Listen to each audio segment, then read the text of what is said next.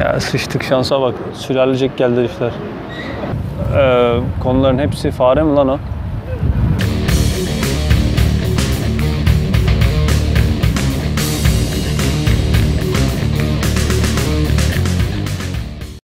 Merhaba arkadaşlar. Yazılım mesleğin en iyi 10 yönü. Böyle bir top 10 listesi hazırladım ee, kendimce. Ve yazılım mesleğinin en iyi yönlerini kısa kısa size bahsedeceğim. Aslında her bahsettiğim madde kendi çapında uzun bir video konusu olabilecek e, maddeler.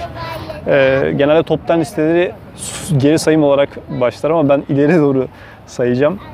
Bir numarayla başlayalım. Bir numara üretkenlik konusu. Yazılım mesleği e, bir şeyler ürettiğiniz bir meslek dalıdır çoğunlukla ve e, bu bir şey ortaya çıkarabilmenin, bir ürün ortaya çıkarabilmenin çok farklı bir duygusu vardır. Hem e, ürünü tasarladığınız dönemlerde, geliştirdiğiniz dönemlerde, test ettiğiniz dönemlerde e, sürekli sizi zihnen de diri tutacaktır ve üretkenlik e, özelliğinizi korumanıza olanak sağlayacaktır.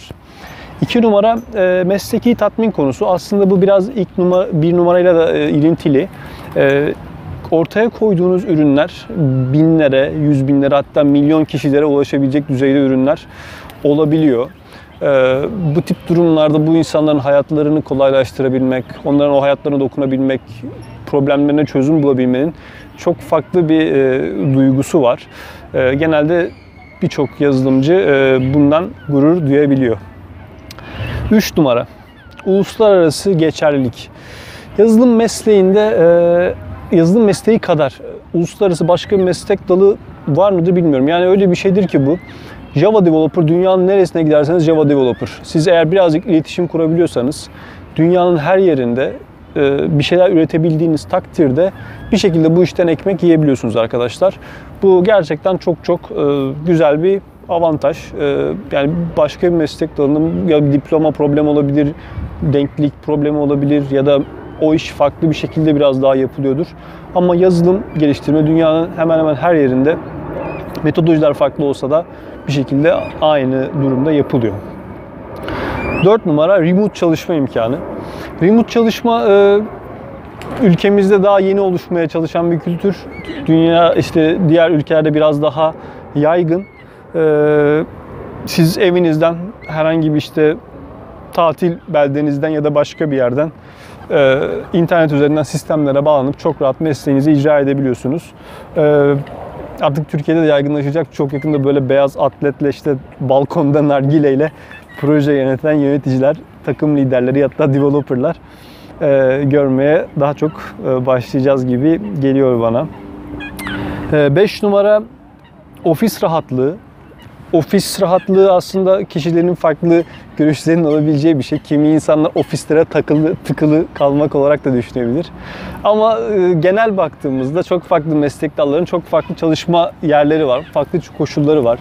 Bir inşaat mühendisi işte zorluk şartlarda taşın, toprağın, e, kumun içinde bazen mesleğini icra etmesi gerekiyor. Keza işte doktorlar tentürdiyot kokusu, B vitamini kokusu, sürekli böyle bir o hastane kokusu eşliğinde e, bazen kötü hissedebilirler kendilerini ya da öyle bir durumda çalışabiliyorlar.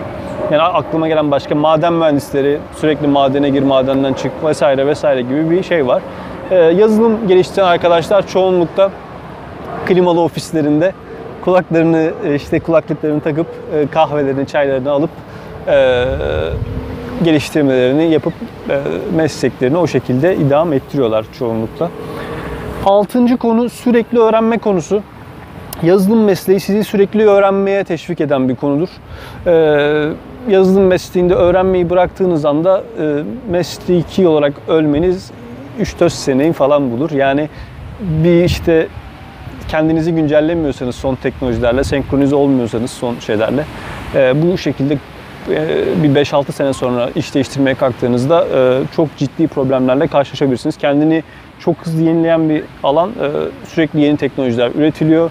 Yeni problemler yeni şekillerle çözülmeye başlanıyor ve o eski kafalar maalesef aranan statülerden çıkmış oluyor.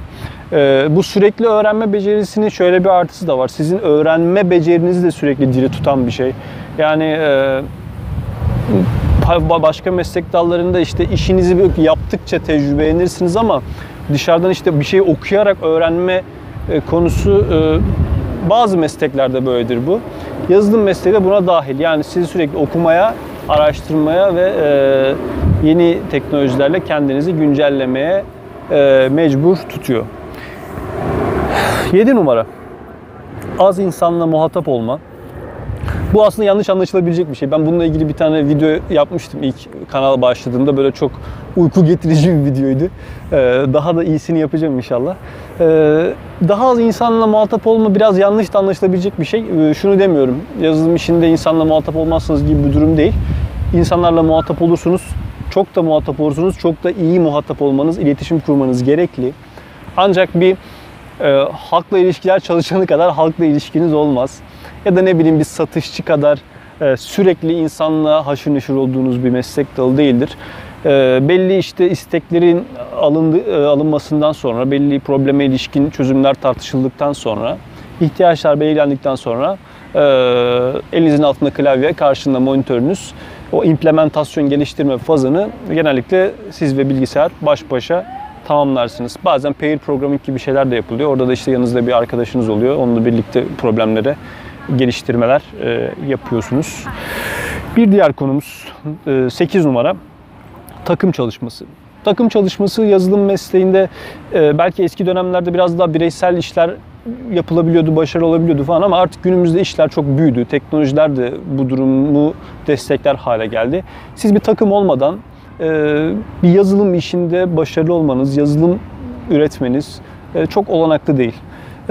Bu bağlamda düşündüğünüz zaman buradaki takım becerisi, takım çalışması becerisi size başka mesela yaptığınız bir halı saha maçından tutun takımla ilgili başka bir takım pro, projesi olabilir, e, başka bir alan olabilir. Yani bir takım elemanı olma yetisini de size e, yazılım mesleği kazandırmış oluyor.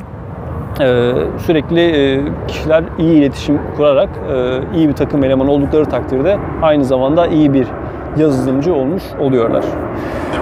9 numara. Dünya çapında ihtiyaç. Şimdi trendlere baktığınız zaman arkadaşlar bu yazılım mesleği e, çok daha büyüyor. E, daha da büyüyecek ve e, dünya yazılımlaşmaya gidiyor. Yani e, çok böyle şey bir örnek vereceğim. E, çok değişik de bir örnek değil aslında da. Eskiden sinemaya gitmek istediğinizde mesela sinemada o Vezne'de bir tane amca vardı. Ee, parayı veriyordunuz, bilet veriyordu size. Parayı veriyordunuz, bilet veriyordu. Böyle bir işi vardı o amcanın. Şimdi o amca artık yazılım oldu. O amcanın yerine bir yazılım konuldu. Ne oluyorsunuz? Düğmeye basıyorsunuz, ödemenizi yapıyorsunuz, paranızı alıyorsunuz. Keza aynı şekilde İstanbul kart yükletiyorsunuz. Ya da e, bu tip şeylerle her şey bir otomatizasyona gidiyor. Yani her şey bir yazılımlaşmaya gidiyor. Bu belki bundan 20-30 sene sonrasında çok daha e, farklı yerlere gelecek. Bu görüşte baktığınızda yazılımı geliştiren kişilere olan ihtiyaç e, artık number one olmaya doğru e, gidecek gibi bir durum söz konusu. O yüzden bu sadece ülkemize ya da Amerika, Avrupa'ya da hasta değil. Dünyanın her yerinde bir otomatizasyon durumu var kafa anlamında. Son konumuz, bunu özellikle sona bıraktım, para konusu. Yazılım işinde çok para var mı? Hep böyle birçok sorunca millet yani her her meslekte geç yapan bu işte çok para var kafası. Bununla ilgili ayrı bir video da yapacağım gerçi de. Ee, kısa cevap yazılım işinde çok para var. Ee, standart bir yazılımcısınız. Verilen işi yapıyorsunuz. İlk 1-2 seneyi saymıyorum okul sonrası o hadi iş öğrenme döneminiz. Sonrasında e, iki dönemlerde ortalamanın e, üzerinde bir para kazanırsınız arkadaşlar. Hayat şartlarınız e, yani işte İstanbul'u falan bilmiyorum gerçi de yani ortalamanın üzerinde bir hayat standartınız olur. Normal bir çalışma koşullarında. Biraz daha işte aranan adamsanız, belli konularda işte yetkinliğiniz özellikle varsa falan belki biraz daha iyi paralar kazanırsınız danışmanlık işlerinde vesairelerde. Ee, işte takım lideri oluyorsunuz, proje yöneticisi oluyorsunuz biraz daha şey oluyor ama e, yine e, şöyle bir durum var yani bu e, Eminönü'nde, Sirkeci'de falan kestane, darı satan adamlar, köfte satan adamlar sizden yine daha çok para kazanıyor olacak. Ee, eğer siz e, maaşlı çalışan olmayı e, sürdürdüğünüz takdirde. E, Ancak e, yani hayatla ilgili işte beklentileriniz çok böyle şey düzeydeyse e, Allah bereket versin modundaysanız e, yani çorbanızı gayet güzel bir şekilde kazanıp ailenize, çocuklarınıza bakabilecek düzeyde bir hayat geçireceksiniz. Özetle söyleyeceklerim bunlar. Dinlediğiniz için teşekkürler. Hepinize kolay gelsin. Sağ olun.